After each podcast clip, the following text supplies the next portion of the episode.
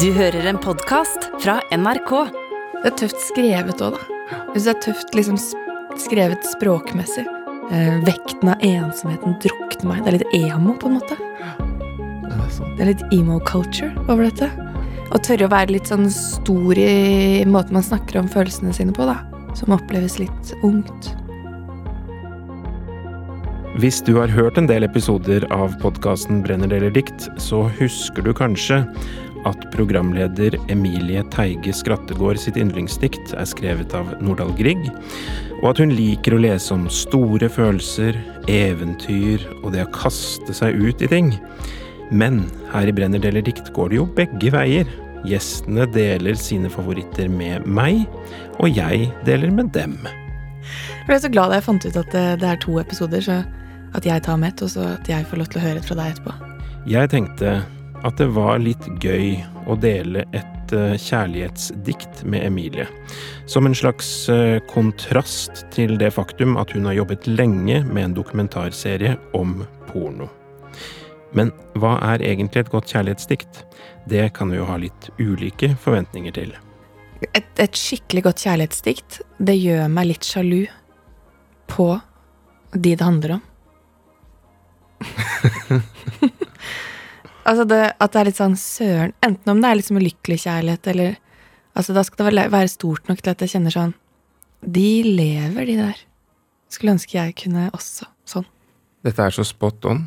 Er det? Ja, fordi du har jo vært gjest i denne podkasten en gang allerede. Mm.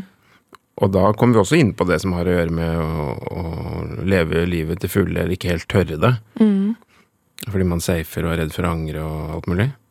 Eh, og jeg har det faktisk sånn dette diktet her, at jeg er litt Også litt sjalu på de det handler om, fordi det er helt åpenbart at de har, eh, har turt å leve, da. Og, Ja. og, og la det stå til. Hva er det for noe, da?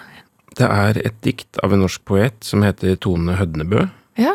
Uh, og hun har skrevet mange dikt, men dette diktet her er et dikt som ble litt berømt, uh, egentlig.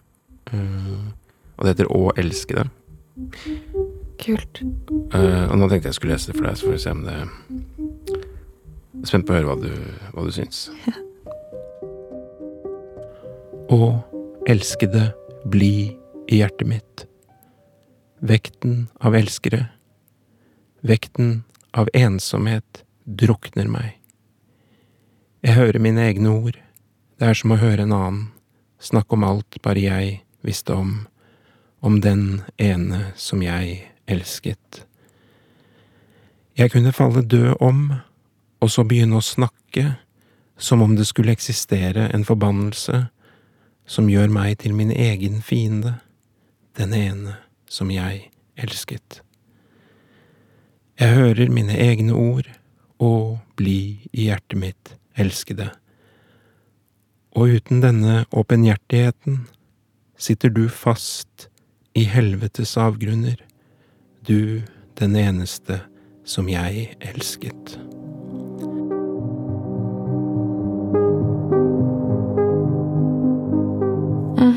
Ja. Guri Malsen. Ja. uh, det er ganske intenst dikt, da. Veldig. Ja. Den derre det ene, den eneste. Det er veldig absolutt. Hmm. Det er litt sånn uh, Ja, jeg bare det er, det er litt den der klassiske romantiske ting. Sånn, jeg elsker jeg, På samme måte som når man gifter seg, så lover man hverandre for alltid, på en måte. Mm. Du er den eneste som jeg elsker. Da er man ganske head over heels, tenker jeg da. Jeg tenker jo det er noe litt ungt over det òg, for det er veldig dramatisk. Ja.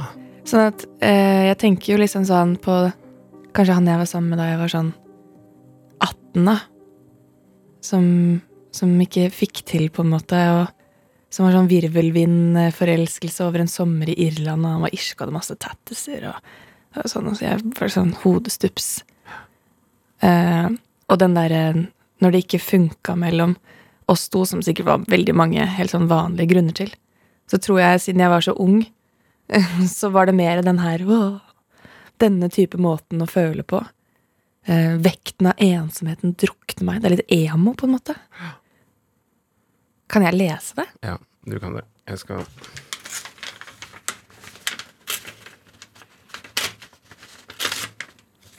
Må du rive av de der notatene som var veldig private? Så, før du Nei, det var ikke så privat, det var bare at jeg måtte ha, fortsette å ha dem. Sånn. Starte opp sånn kunst- og håndverkprosjekt borti der? sånn. Takk.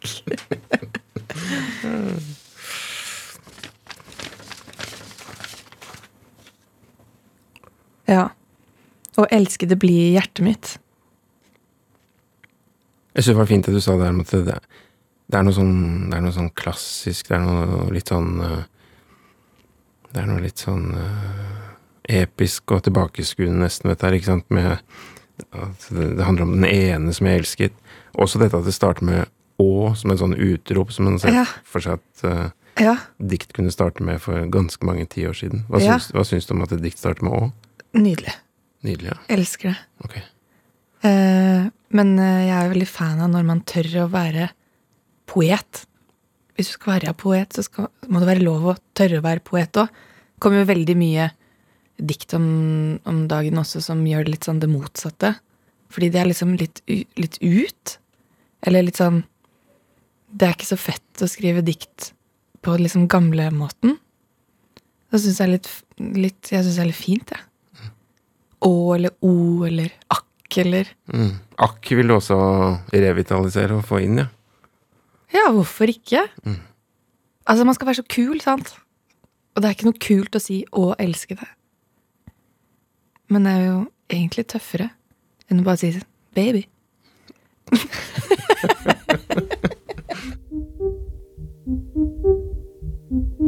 Nå har du sett litt på det. Ser du noe? Ser du noe?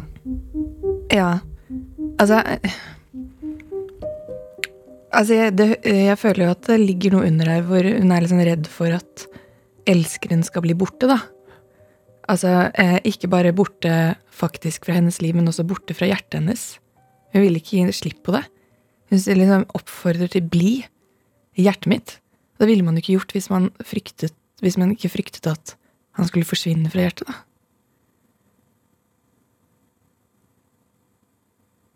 Eller hun. Det vet man jo ikke. Ja, det er interessant, for hvis man gjør den der litt kjappe fortolkningen om at her er det et brudd, og hun øh, er redd for å miste vedkommende, Mm.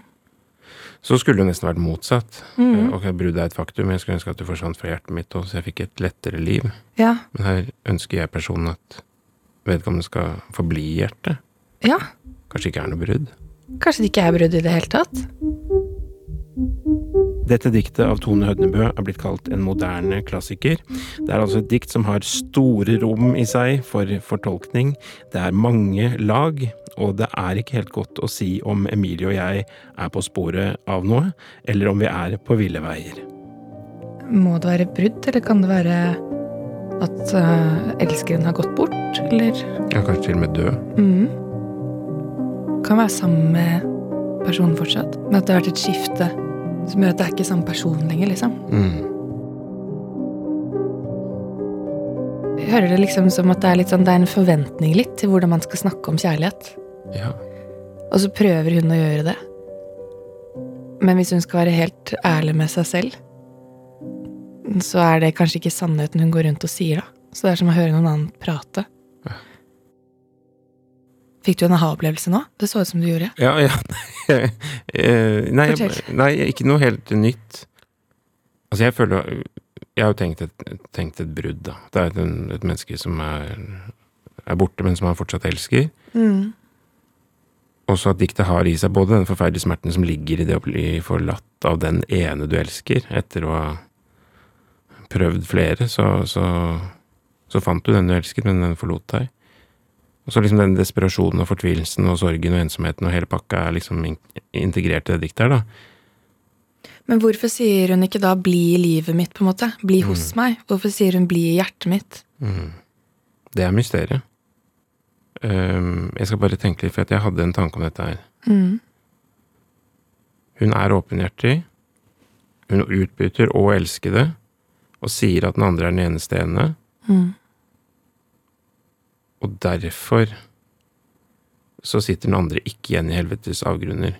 Fordi vedkommende kan gå fri, på en måte. Uh, Mm. det er liksom det motsatte av, sånn, av liksom stalking, dette her. Mm. Hvor man sier sånn uh, Du blir aldri kvitt meg, på en måte. Mm. For hun sier at Hun lar han gå, da, tenker jeg. Men Bli, ved å si 'bli i hjertet mitt' istedenfor å si 'bli her', mm, kanskje. jeg lurer på det. Jeg skjønner. Å bli i hjertet mitt er egentlig en måte å si 'det er ok at du går'. Jeg lurer på det. Det er sånn jeg leser det. Ja, Men det er jo kjempefint, da. Mm, Men veldig trist for jeg-personen her. mm. Fordi jeg-personen må jo ha hjertet sitt likevel. Ja, også at det ofte kommer aggressivt ut, da. Når noen Ja. har forlatt en, så, Ja. så vil man forbanne den personen. Men i stedet så er det en sånn forsoning som går ut på at eh, du blir i hjertet mitt, og jeg lar deg gå. Altså, der ligger det en sånn ekstra kjærlighetsdimensjon, da. Mm. Ja. If you love something, set it free. Det er noe uh, sånt. Det er Sting, det. Er det Sting, ja? ja, men altså Sting og Tone Hødnebø er på linje her, kanskje. Ja, nei, men det syns jeg i så fall gjør det enda vakrere. Eh, fordi eh, å være stor nok til å si at det går bra, jeg kan bære denne kjærlighetssorgen og gjøre den kanskje til og med større for meg selv ved å si 'bli i hjertet mitt, jeg skal tviholde på deg', men du får lov til å ikke gjøre det samme med meg. Vær så god. Mm. Oh. Blir litt rørt av det, faktisk. Så derfor må jeg le litt. Fordi å bli rørt kan man ikke gjøre sammen med andre mennesker.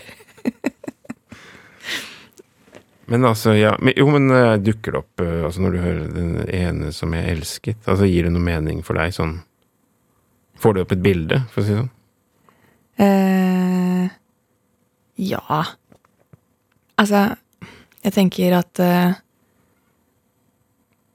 At eh, eh, sånn fortidskjærlighet er sånn veldig allment. Alle har hatt Alle får e- noe opp av å lese et sånt dikt, tenker jeg. Hva med deg? For jeg øh, har jo vært sammen med samme person i 21 år. Mm. øh, og har jo fått en jeg elsker, da. Mm. Så at når man tenker på Snakker om uh, å falle død om og så begynne å snakke, det var ikke det jeg skulle si. Men uh, sitte fast i helvetes avgrunner. Nei, men liksom det, det, det, Jeg kobles automatisk på en sånn øh, Det blir jo fort de man liksom var opptatt av øh, før, da, som man ikke fikk. Det var jo veldig mange. Ja. Det var ikke én man ikke fikk. Nei. Men øh, Men den lengselen, liksom, og det der evige ei sekundet tapte-greia, den melankolien der, er det vel som settes i gang i meg, tror jeg, da. Mm. Husker det var en jente jeg var veldig forelsket i på videregående. Mm. Og så var det sånn kirkekonsert før jul. Vi skulle liksom, det siste som skulle skje, var Du skulle være i, i kirken, og så satt vi ved siden av hverandre, og så eh, tok hun liksom hånda mi eh, mens vi satt der. Så vi satt og holdt hender Mm. under den konserten. Um, men likevel så turte ikke jeg å tro på etterpå helt at det hadde skjedd, eller at det var et sånn opplagt nok tegn til at det kom til å bli. Mm. Så hadde hun litt en annen kjæreste. Så det var liksom litt klønete, det hele. Sånn at jeg føler at ting sto veldig med store bokstaver, da, uten at jeg turte å ta steget. Nei, jeg skjønner.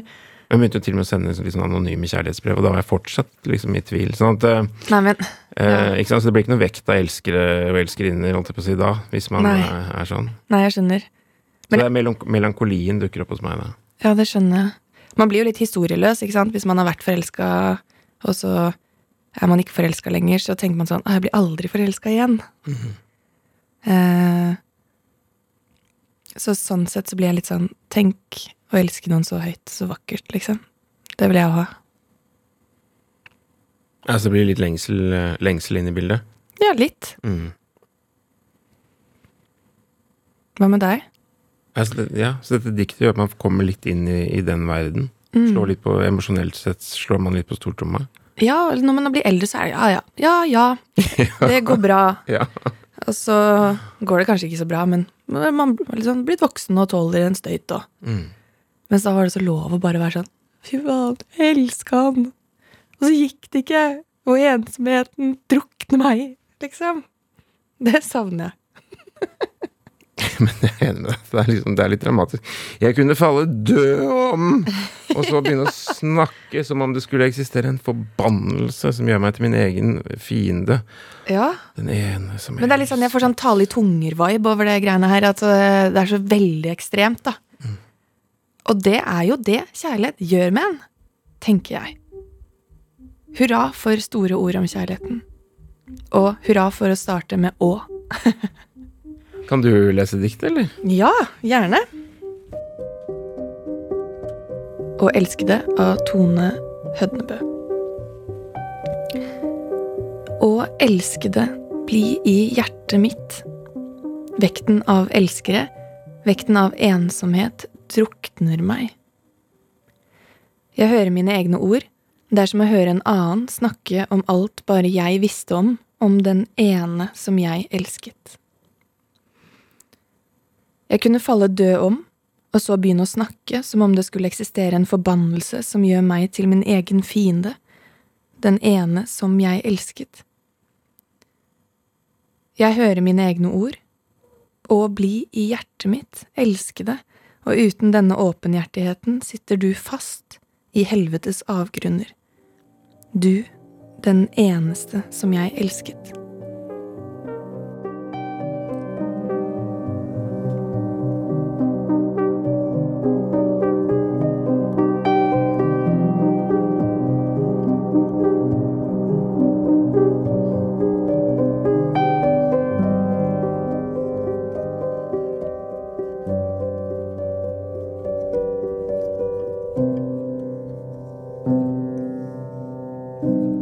Denne podkasten er laget av meg, Hans Olav Brenner, Kristine Lossius Torin og Janne Kjellberg.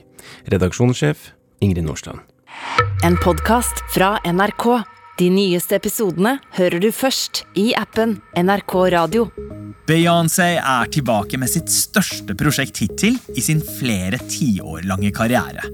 Men fra hun slo gjennom og til i dag så har hun fått stadig mer kontroll over hva fansen får vite om henne. Vet vi egentlig hvem Beyoncé er etter 25 år i rampelyset? Og hvordan styrer hun hitmaskinen hun selv har skapt? Finn ut dette i neste episode av Musikkrommet.